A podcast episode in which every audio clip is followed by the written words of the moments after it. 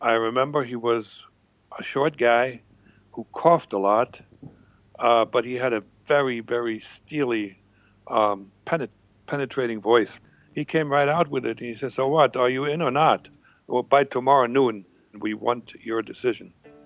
Now I had to make a real decision, a life-changing decision. Welcome to Spionpodden.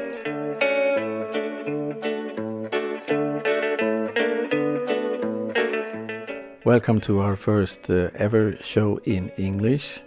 It's also our first interview done via Skype, so it's kind of the first time for a lot today. My name is Mikael Hylin, and today we have a very, very special guest, and I'm very honored. Uh, he was recruited by the KGB and spent 10 years as an undercover agent in the United States. He is the longest surviving known member of the KGB illegals program that operated during the Cold War. Finally, he was uh, captured by the FBI in 1997. A quote by Joe Weisberg An incredible look at the astounding journey of a KGB officer in the midst of the Cold War. Heartbreaking, exciting, intriguing.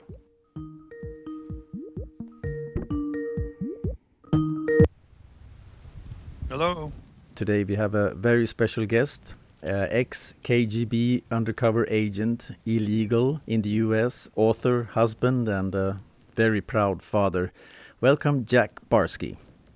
Yeah, thanks for having me. That's a that's a first for me uh, to speak to a Swedish audience. Yeah, good. Well, you you have um, maybe I should call you William Dyson or Henry Van Randel or Albrecht You read the book. You read the book. yeah, a couple of times. It's an amazing book called Deep Undercover. Why, why, why did you write this book? It's ultimately it's a it's a reckoning. It's it's coming clean with the past. It's uh, it's clearing the clutter in my brain, uh, and you know, and getting back to sort of normal to the extent uh, somebody who lived uh, under two identities for for a number of years can be normal. Just in short, tell me uh, before we go in deeper into the book, what, what what is the book about? Well, it's really the story of my life uh, uh, from beginning to when I stopped writing. Pretty much, um, there's more that happened afterwards. I just like run into all kinds of situations that are just mind-boggling and interesting. So it starts. The book starts with uh, you know my birth and the environment I was born into, and uh, you know episodes out of uh, school and uh, you know middle school, high school, university, where I almost killed myself a couple of times because I studied chemistry and I wasn't really that skillful in the lab. Uh, and then how I how I eventually was uh, recruited by the KGB, got the training, uh, was trained for four and a half years, was and then was launched and acquired uh, uh, uh, the, the command of English to a point that it was clearly fluent and. you know, you put a number on it, 95% accent free, good enough to come to the United States and pretend to have been born here. Mm. Uh, and uh, so I arrived in New York in 1978 and uh, did did work for the KGB for 10 years. And then the, the next part is the story of how I uh, resigned from the KGB. I may have been one of the few people who did that and got away with it. Alive. And and and then how the FBI found me and how I operated, how I worked with the FBI and finally, it sort of ends with uh, getting a new chance to lead a somewhat normal life with a new family. And uh, uh, you pointed that out already. And with a, with uh, my last child, a daughter who is brilliant, not easy to, to deal with. She's got my genes, and I love her, you know, as much as I love anybody. So yeah. that's that's that's my book. Well, Tell me a little bit about li life in former East Germany in the 50s and 60s. Well, you know, I can I can give you uh, two views. One of them would be what I remember personally, and the other is what I uh, got through the tales of my parents and research as to what it was like mm uh, at the time uh, that I do not personally remember. I just I just know that basically as a foundation, East Germany was incredibly poor, so it was really really a hard time to start over for my parents and and and then to raise a child. Uh, food rationing uh, stopped in the late 50s. I was about 10 or 11 years old when I remember I didn't need, when I went shopping to the local store, I didn't need those little uh, coupons anymore. Mm-hmm. Up until then, food was rationed, you know, the basics butter, uh, meat, if you could even get it, oh. uh, milk, uh, sugar, flour. Uh, and in terms of, you know, everything else, you know, for Christmas we got one present, maybe. You know, yeah. if I got a soccer soccer ball, you know, I was happy as a pig, and you know what. Uh, so it, it, the bottom line is we were dirt poor, but none of us knew it because everybody else around us was just as poor, mm. and we didn't have a view of the other, you know, the other Germany or what it might be like to live in a somewhat prosperous country. So what you know, it, eh, you know the, the one thing I got to say, I don't remember having gone hungry no. ever, but I do remember a lot of bad food.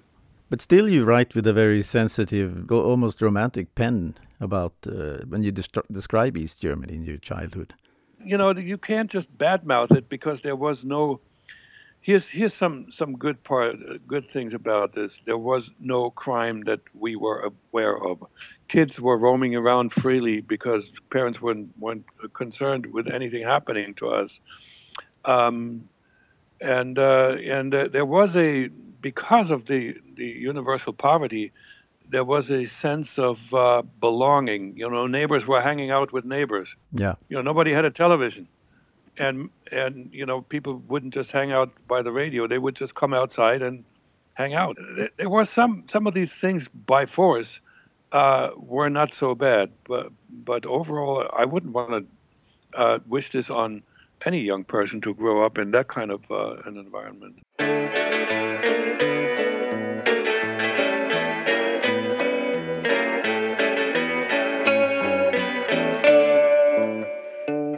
There, there are a few lo uh, love affairs in your book, and and your first real love, Rosie, uh, seems yeah. to have affected you quite a lot. Can, tell me how yeah, it, it sounds like crazy, but I think there's there's a certain number of people who can relate to this. Uh, um, I just was hungry for love.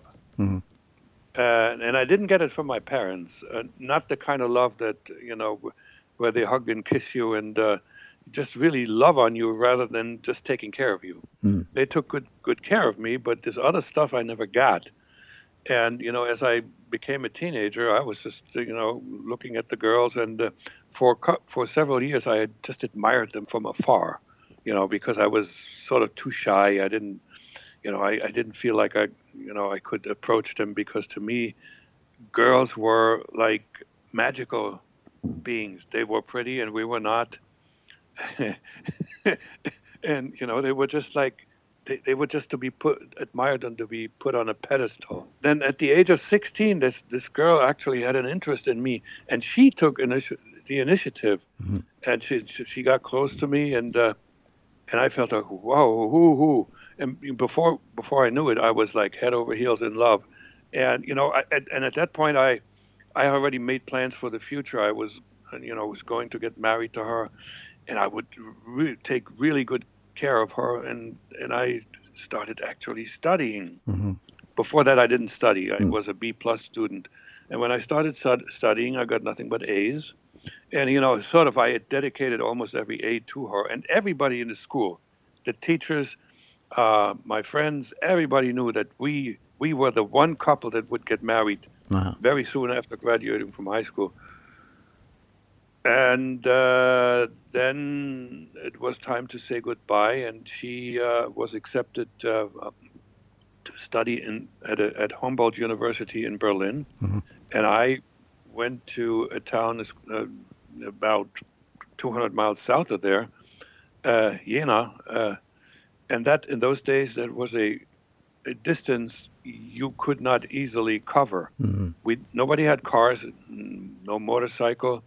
Uh, the trains w- were so slow it would take pretty much a half a day to go from one place to another, and then you still have to take public transportation.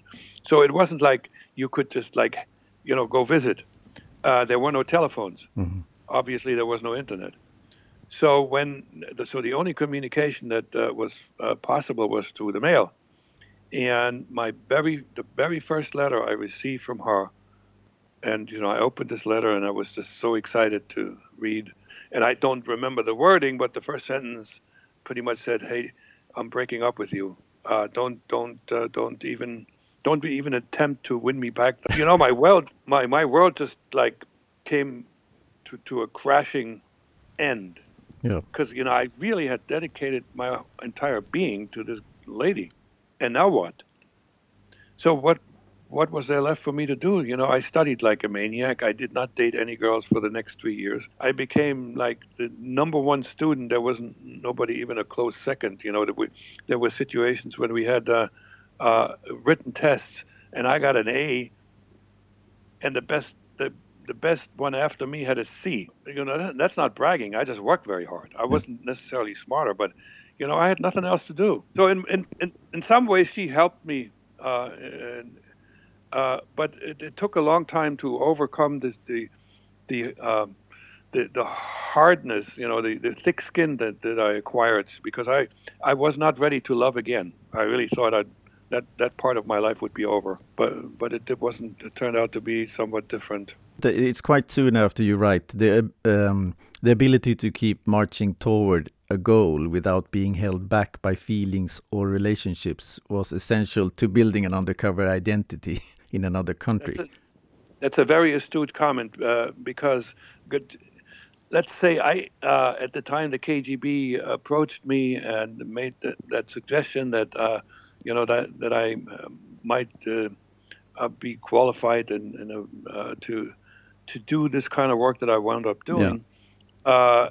If I had had a steady relationship, a girlfriend or a fiance or even a wife, I, I wouldn't I wouldn't have agreed to this. As a matter of fact, uh, uh, my best friend, German friend, who is in the book, Günther, mm-hmm. uh, w- was approached, I, I think, by the Stasi to do this kind of work in West Germany, and he was married and he discussed it with his wife, even though he wasn't supposedly to do do that. Yeah. And they both agreed, no, we're not going to do this. Mm-hmm. So yeah, uh, she she actually you know played a Rosie played a an important role on behalf of the KGB in, in their recruiting efforts without them knowing it. It, it. She just prepared me emotionally to be able to to, to just like uh, not worry about mm-hmm. the feelings didn't play much of a role other than the feelings I had about you know pride in my own ability to to you know do very well at whatever I was yeah was uh, tackling.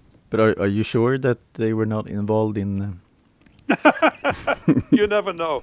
You you never know. She may have been recruited a, a, ahead of me, and and they just told her to now you got to break up with him. Yeah. Who knows?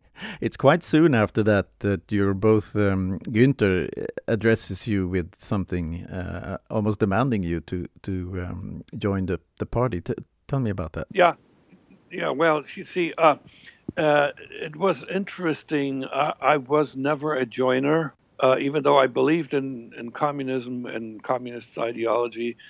When we were approached at the end of high school uh, we were approached to, we were recruited to, you know, just join the party. Yeah. There were three out of 20 in my class became party members. I declined. I had no use for that. I didn't want to join. And, um, but when, when I was at university, the stakes were a lot higher and the pressure was bigger because the one thing I knew that if you wanted to have a really good career in East Germany in those days, uh, being a party member was not a requirement, but it was a huge plus. Okay, it was it was a huge plus. So and and when when I had two friends in in, in, in the group that uh, that uh, hung out together in, in the lab. It was Günther and the other fellow I didn't write about, but we hung out quite a bit, and they were both party members. And when I was approached by Günther and then also by one of the professors, you know, like, you know, it was hard to say no. And, you know, it was just a matter of now I was going to be, jo- I already knew the kind of group that I was going to be joining, as opposed to just become a member and then go off in, in, into another world. And then all of a sudden, there's a you're studying in your dorm, and then there's a knock on the door, what, what, on your room door. What what happens? Well, I was in my towards the end of my third year as a uh, chemistry student. it was on a Saturday. I know this because uh, I had one roommate, and he typically left to mm-hmm. go home over the weekend. And I also know it was Saturday because Saturdays I studied during the day. Okay, so I'm sitting there and, and, and I'm you know, working with my my notes and textbooks and so forth, and there's a knock on the door. Now, you must understand one thing. Um, this was a, uh, a, a dorm with many many different rooms, but the custom was when you knock, the next thing you open the door and go in. You did not wait for the come on in response knock, open door. Mm-hmm. That was a knock. I didn't say anything, and nobody came in. At that point, I already knew it was a stranger. Well, when I finally said, well, why don't you come in? It was indeed somebody I, I had never seen in my life. And uh, this fellow asked me, uh, Are you Mr. Uh, Dittrich? And I said, Yes. Uh, can I help you? He says, Well, no, I'm from uh, Carl Zeiss Jena, which was one of the more famous companies in East Germany, uh, an optical company that, that made high precision uh, optical uh, implements, uh, cameras and binoculars and stuff like yeah. that. It was well known pretty much in the world. And this guy said, Well, I'm from that company, and I just want to talk with you about what your plans are after uh, you graduate. You're right then and there. I knew that he was a phony. And he, he, he was such an idiot, he didn't even know that uh, in those days, companies did not recruit students. Uh, all students were assigned. Mm-hmm. Now, uh, if you were at the top of the heap, you had some input. They would ask you, maybe, would you like to go here, there? But once you are, you know, uh, once the top five were had had their choices, the, the rest of them were were told, you go there, you go there, and you go there. That was, uh, you know, in return for the free education we got. So, so by him stating that he was sort of recruiting for for Carl Jena, to me, I, I knew that, that that was phony, and in my mind, immediately uh, a, a, flash came up, and I thought Stasi, East German secret police, mm-hmm. because mm-hmm. he was German. Uh, but I didn't say a word, and so we spent some time doing small talk about whatever, you know, how hard it is to study chemistry. And then he, he switched all of a sudden. He said, you know what? I got to make a confession. I'm really not from this company. I'm from the government. I thought for a while that, or for a moment at least, uh, that I could get really funny. Uh, I could have asked him, so what part of the government are you from? I didn't, because I already knew sort of uh, what was coming. But but he, he was very indirect. He, and he said, you know what, I, you know, we just want to know, could you, would you consider maybe, or could you see yourself working for the government one of those days? And that was, of course, code which I understood, and I, my answer was exactly what he was looking for, and I said, yes, but not as a chemist. So we, you know, we were, we were communicating between the lines. He, he didn't ask a question that I did not answer. Mm. You understand? But we both understood what the meaning of, of, of, of this question and answer. So he said, "Hey, we, I want to meet you again. How about some next week or whenever?" Uh, and uh, he invited me to to dinner at, at the number one, the most expensive restaurant in town. Wonderful.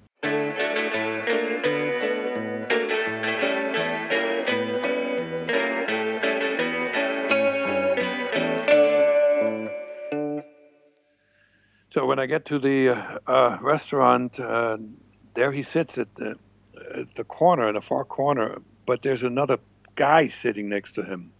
Now, here's the thing. Uh, in those days, it was customary and, and totally, totally normal for strangers to share tables. Should I approach this guy or not? So I cautiously made a couple of steps, but he got up, came to me, and then he took me to the table, and he's and he introduced this fellow. Says, "This is Herman." He called him Herman. Uh, we are working with our Soviet friends. Mm-hmm. Okay, so we shook hands, and and I now I knew that I was fundamentally uh, with the KGB, and and my my guy, who never introduced himself by name, he just said you know he he just disappeared, and here I was like it was now Herman and me, and uh, you know nice guy, and we we started a relationship. The the person who knocked on your door, let's call him um, uh, the Carl Zeiss guy, was he Stasi? Uh, see, I thought he was. I believe now that he was not because the KGB had their own volunteers that they were working with. Uh, so uh, it, it's highly unlikely that the Stasi started recruiting and then handed people over to the KGB. Hmm. It, what I found out much later through um, um, direct testimony of people who know something about this, as well as uh, you know reading and memoirs and so forth, that surprisingly, the Stasi and the KGB uh, did not cooperate very closely. They actually didn't trust each other. Now think about it, and this is one thing that just popped into my head when I thought about it. Initially, I was supposed to uh, work on behalf of the KGB in West Germany. Do you know in those days the Stasi had about a thousand people and agents in West Germany. Wow. Some of those were in high places in the government. What did the KGB need an, another agent in West Germany for? Just because they didn't trust the Stasi. Mm-hmm. So, so that's. Uh, I'm reasonably sure this this this German this Karl guy was was a um, you know volunteer for the KGB. Okay. What, what what do you think the Stasi Stasi would have said if they found out that you were actually working for the KGB or starting to be recruited by the KGB? No, no. I, well, I think there's there there was probably a high level agreement where uh, the KGB would notify the Stasi, hands off, don't. This is this is ours. This this guy is ours because they they they eventually um, see. Uh, I had to disentangle myself from the university, and when I quit, uh, I was, I had to hand in my party document. So this had to go again into the German party apparatus, and I, I, I had an appointment with a lead party official at the university, and so I handed him the document, and his comment was, you know, we we might not ever hear from you again, but we know that you're out there to do important things for the revolution. so, so I was not the first one, and probably not the last, who handed him uh, the party document. So, but tell me about Herman. Who, who was he? What, what was yeah, he? he was a he was a very pleasant guy. He was um, uh, maybe seven, eight, nine, ten years older than me. Um, still, still, in, I, I believe, in his early to mid thirties. Um, spoke pretty good German, and uh, you know, it was just like he was bright and uh, and very very nice to interact with. We never oh we had one situation where there was a bit of a dissonant tone in our conversation when I I had the audacity to ask him if his real name was actually German, which is the Russian version of Herman. He looked at me like, okay, I've, I've I found out don't ask any name questions anymore because in hindsight, Herman was possibly most likely his cover name anyway, hmm. because I was I was one assigned myself, uh, and I introduced myself to most KGB folks that I met uh, as Dieter, so that was mine, and I bet you he he was Herman, um, and so we spent quite some time just talking.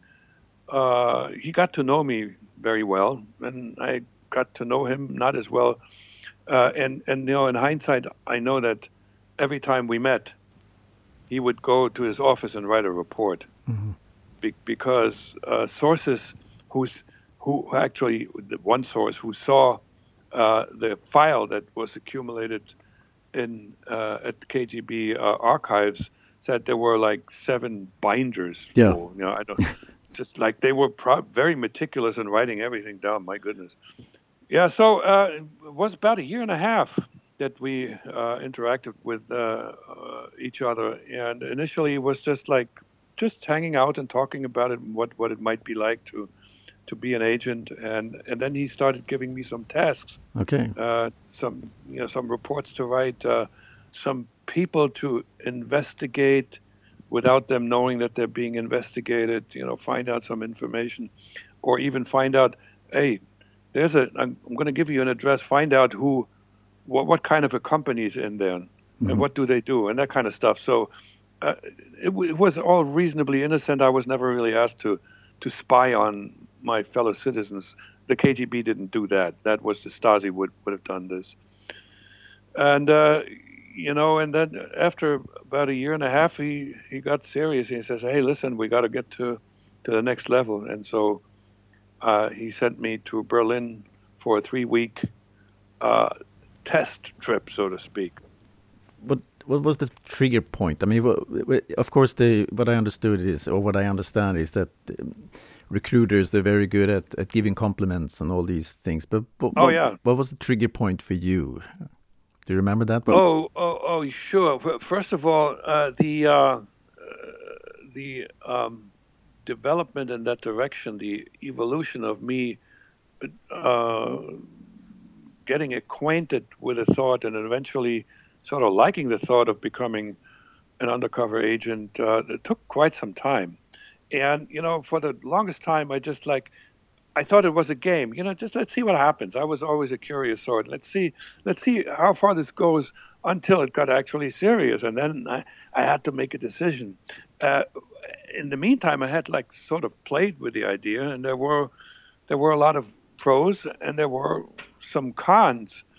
The the cons had to do with the fact that I really liked the town where I lived. I uh, I had made it uh, the, into the starting five of the uh, college basketball team, and that was my passion.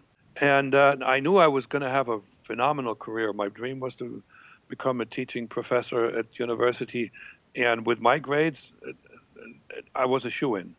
Uh, particularly also because I was a party member. Mm-hmm.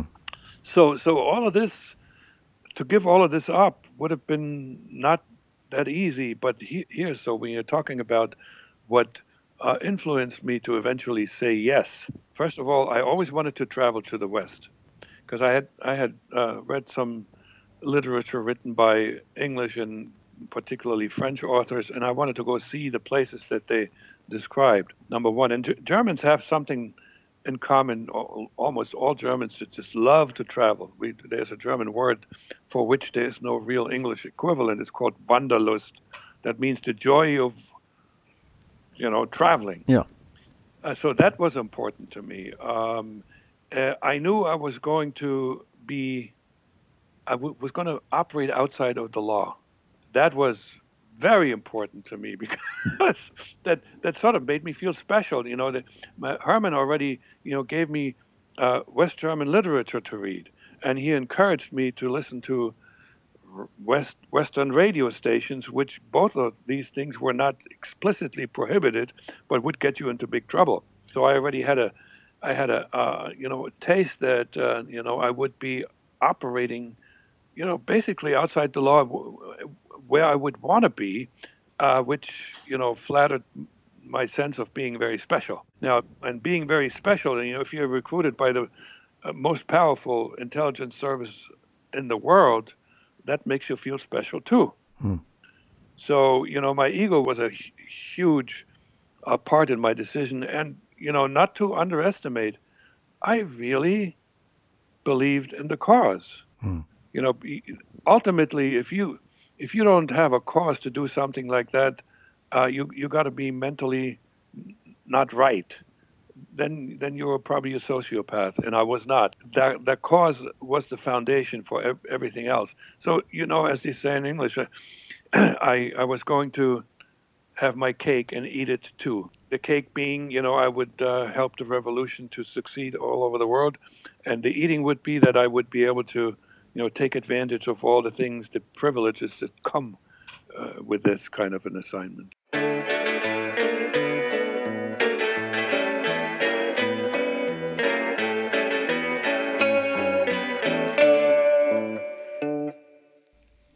Then you met uh, Edeltraud. Well, no, Edeltraud was, was uh, a fling in college, and there was a, a one night stand after a dance, and she got pregnant, and my uh, my first son was born. Mm. And here's here's an interesting uh, uh, thing that I didn't realize at the time. Uh, in those days, to have children out of wedlock uh, was not was frowned upon, particularly if you were a party member. You would have had you would have normally you they would call you in and give you a, a reprimand for that. You know, mm-hmm. they wouldn't kick you out, but you know, you would sort of be in trouble. Nothing happened to me. Nobody even mentioned anything. So that already gave you an indication uh, uh of the status I had. Uh, you know, I I couldn't do any wrong, which you know this uh, this was uh, this was not my proudest moment, uh, but it was consensual. So. But listen, let, us let, go back to uh, because I really think it's interesting with this thing about uh, the cause and and because you were sent to East Berlin for uh, three weeks of extraordinary defend training. What what what was yeah. that? Well, it was a training trip to to begin with. Uh, all I had is uh, was a an address of a street corner and a, a code phrase uh, by which uh, I would recognize a uh, a person that I was supposed to meet there. Uh, I forgot what phrase we used for that purpose. It was certainly in German. I only remember the one that I used w- when I was active in English. Uh, the other person would approach me because they had a description of what I looked like, and would ask uh, excuse me, are you waiting for Susan Green? And my answer would, would have been, yes, you must be David. and then we know we know each other. And uh, and we had a similar phrase, but that was in German. So I met uh, I met Leonid, and um, you know, Leon, I got into Leonid's car, and uh, he told me, you know, go find yourself a, a place to stay for about three weeks, and uh, we would meet fundamentally every other day in his car uh, and talk about things. And he gave me some tasks to do. Uh, he gave me a task to you know get to know somebody and find out about their relatives in the West. And and towards the end of my three weeks, he he told me, okay, in a couple of days, you're going to go to West Berlin. The task was fundamentally just to go to West Berlin. They gave me whatever, 20 marks, take some public transportation, uh, wander around in the streets, get, get a get a feel for what the place is like. Uh, I I had a, uh, uh, a sausage at a stand and a beer, and they were really really good. and then I went back. Now you know initially there's two things that uh, uh, I remember I I was somewhat uncomfortable the first 30 minutes, hour, because I felt that people would know that I don't belong mm-hmm. for whatever reason.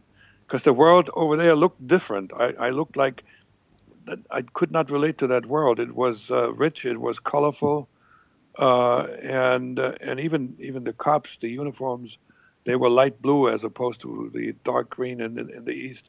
So I felt uncomfortable.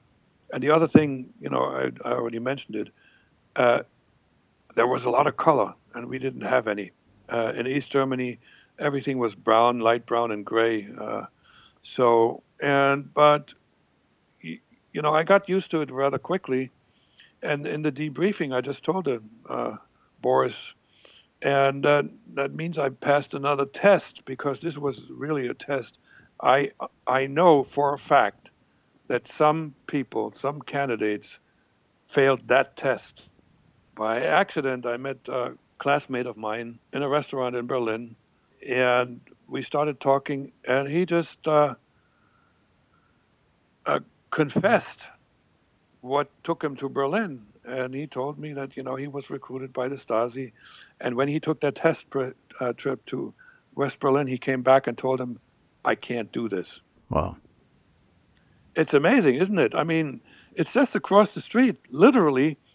And uh, the stress was such that we were so indoctrinated that we knew we were in enemy territory. And even though it wasn't anything illegal, just the stress for him to be in that place uh, was enough. And so, you know, they kicked him out of the Stasi, and uh, he never really recovered in terms of a career. Is is this why you, you write in the book? Um, I, I kind of quote here: "The mechanics of spying alone you can learn, but the psychology is a different matter." Is this what you're talking yeah. about? Well, th that's exactly right. Uh, you don't know until you until you're actually you can't test that. They throw you in a in a pool, and hopefully you figure out how to swim. now there's there's many predictors that will say, well, this person will probably swim. Uh, that that is why Herman spent that much time with me. Uh, uh, my my friend uh, who didn't make it probably was not uh, investigated and and and uh, looked into long enough to figure out that he was probably not a good candidate. I could have told him that. I knew him pretty well. Uh-huh. Uh, I, we went to into we went to the same school in the same class uh, for four years, and we both lived lived in the same dorm. But isn't it that you, you have to sort of write a contract uh, with the KGB, and, and do you, do you remember that uh, moment? There was never there was never a contract, and mm. that's, that's, the most amazing thing. The only document I ever signed with my real name, uh, that was a KGB document, was a promise not to uh, give away the uh, encryption code that I was taught. That was sacrosanct. There was no contract it was all verbal. There was nothing in writing. Period. amazing, isn't it? Yep. Even you know what they told me: we're going to pay you this much money while in training, and when you go to the West, we're going to pay that much, and you can expense this, that, and that. It was all verbal. but once you make up your mind, maybe once you made up your mind, what what was going on through? What was going through your mind? Well, I I got to tell you. Uh, how I was forced to make up my mind rather quickly, which was at the end of that three week stay in Berlin. Um, was probably a couple of days before my scheduled uh, return to uh, the town of Jena. uh, Boris took me into the Soviet Army headquarters in Berlin, and that was also the KGB headquarters.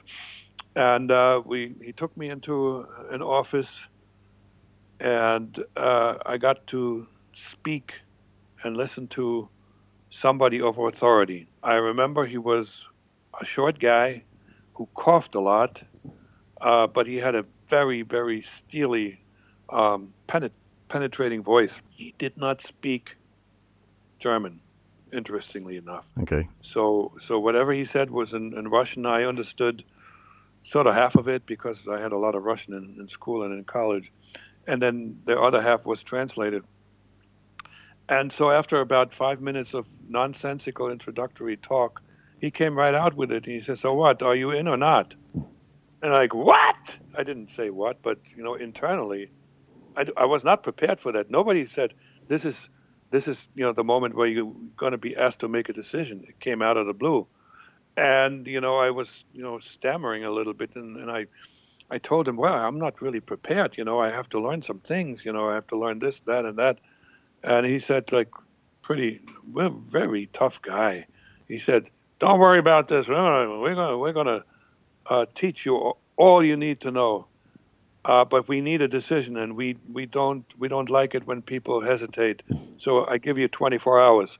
Well, by tomorrow noon, uh, you, you, your your friend Boris here will will come. We will. You will meet, and we want your decision. Now, that made for a sleepless night because I was still. You know, this. This. You know, all this. The, the the the entire time up until that point, I I still played this like a game, and now the game became real.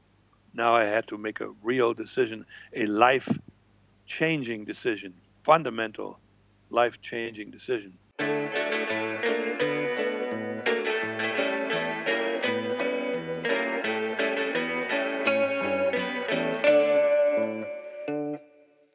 But how old are you at this time? Uh, I'm 24 or 25 in, in that neighborhood. Wow, it's a big big decision for that age. Big decision for that age. Uh, again, it, it, if I had had a good relationship with my parents, my father had left the family, so I I had no communication with him whatsoever, and the relationship with my mother wasn't really emotional. It was just like, you know, she took still took care of me to some extent, and and I I acknowledged that and thanked her for this, but there was no strong relationship. Uh, if I had had a steady girlfriend, uh, most likely I would have said no, but that was not in the mix. So the only thing that really emotionally held me in, in, in the town where I studied was the basketball team because they had become sort of my family.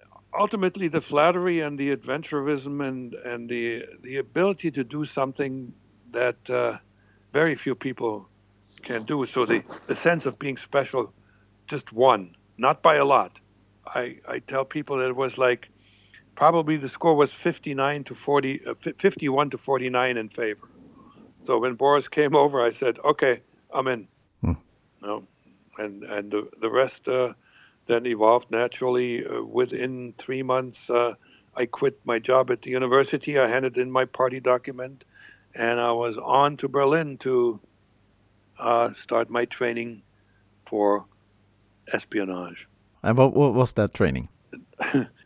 it it it's probably something that will surprise people. There I never saw a curriculum. It, it appeared to me to be co- completely unstructured. I was just told by uh, now my, my new handler, you know, the the lead officer in the in the business we call them handlers. My new handler, his name was Nikolai. Uh, we would meet, you know, once every week or maybe once every two weeks, and he would just uh, uh, tell me, well, now you need to do this, or there were like ongoing tasks but he would bring um, experts to me. For instance, you know, we're going to start studying Morse code now, or we're going to start, you know, we're going to teach you uh, the in- encryption or decryption methodology. Uh, now we're going to do phot- photography. We're going to do uh, operational stuff like uh, surveillance detection, and on and on. Ongoing stuff was I I was required to learn a language and I picked English. I was actually, I was given a choice. At that time, the plan was still to send me to West Germany, and then there were some, in between were some tasks, uh, such as you know Nikolai would give me the name and address of a person, and told me to find a way to become friends with them, and I did. Uh, at one point, it was a couple who lived uh, about an hour and a half outside of Berlin, and I managed to do that too. Uh, I I went up north, wandered around in that town, and uh, tried to figure out an angle, and I saw um, an announcement for some kind of an anniversary of a communist marching band that existed before the Nazis took over. so I made myself into a student who's studying history, and I was wandering around in town and asking all, knocking on doors, asking all kinds of people uh, about whether what they knew about this this marching band, and slowly but surely, I inched my way to where those two targets lived, and eventually I had enough recommendations. They said where people said, "Oh, you need to talk to these people." and so I could knock on the door and introduce myself. And said, "Your neighbor so and so said I should like check with you." Well, I sit down, and apparently, I had enough uh, innate charm for them to like me.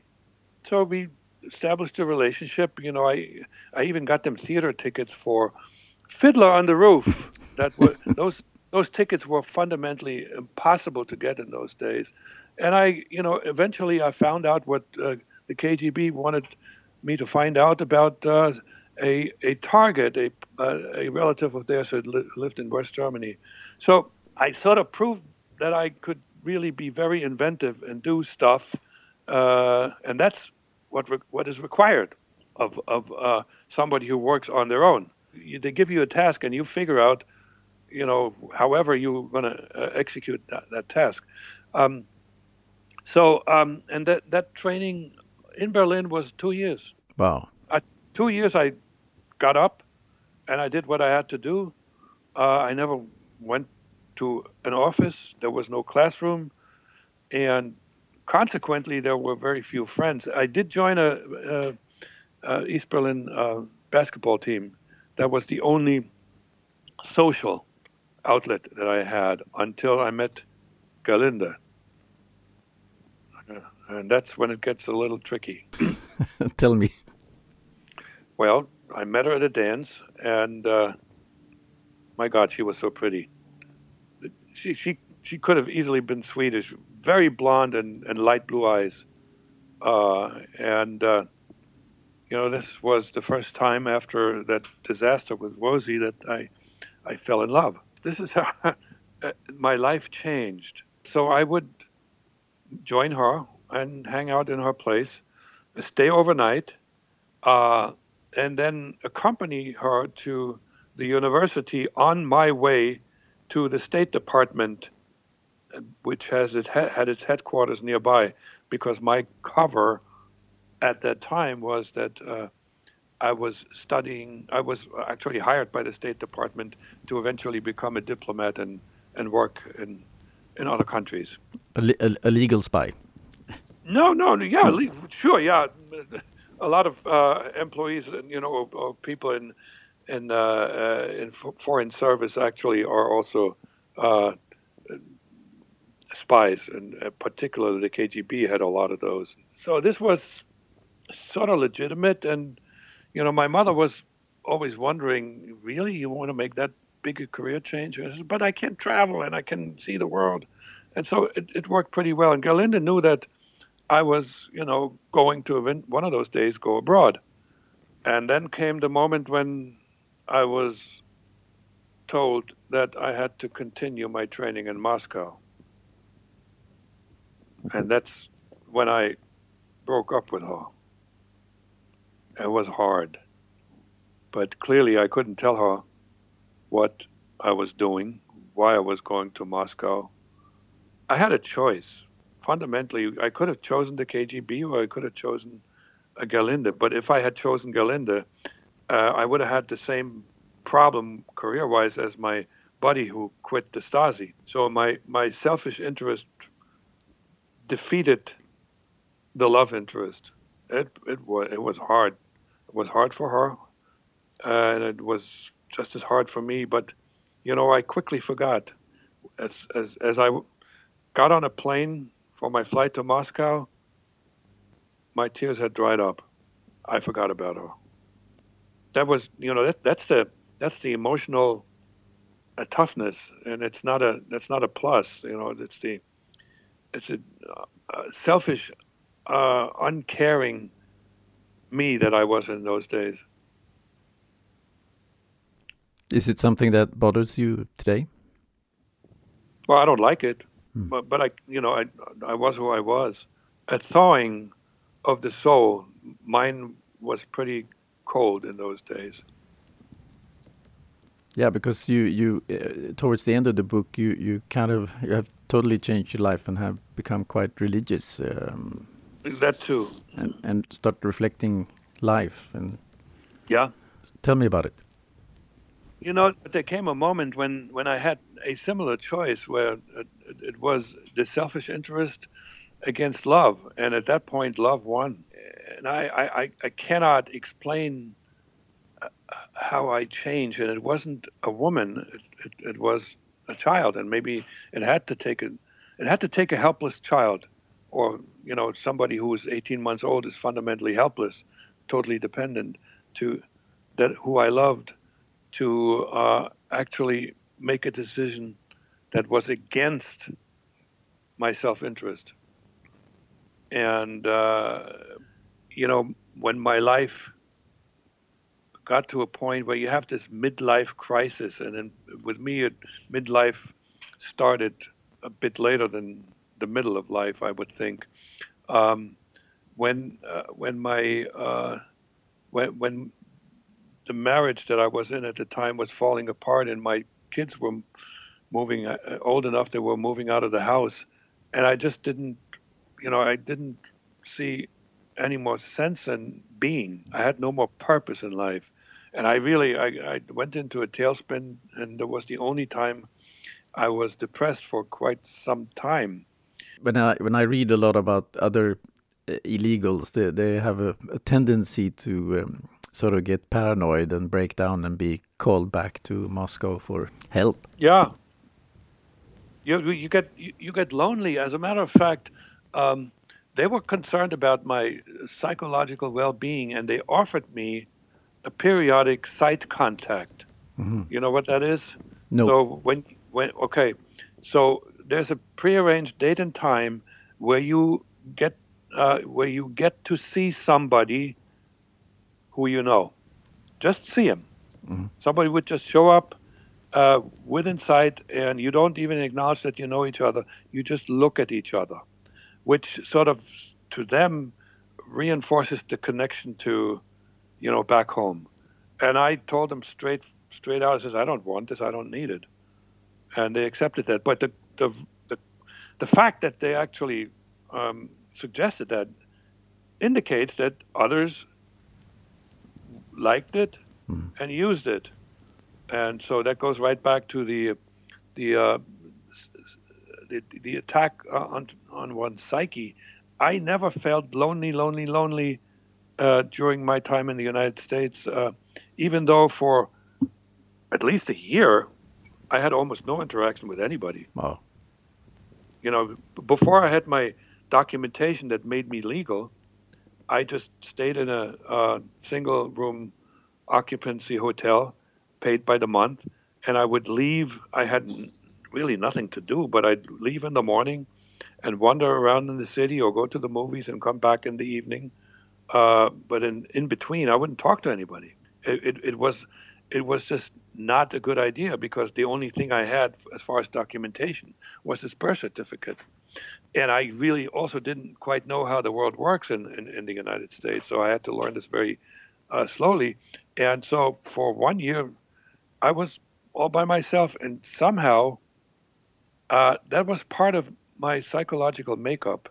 Even as, as a child, I, I would I would play by myself for hours and and not have the urge to mingle with others, even though I'm, I'm fundamentally mild to mild to moderate extrovert, but mm. I I was just able to psychologically I I had a lot of strength. You know, at one point that uh, that that well runs dry, but that had nothing to do with spying anymore.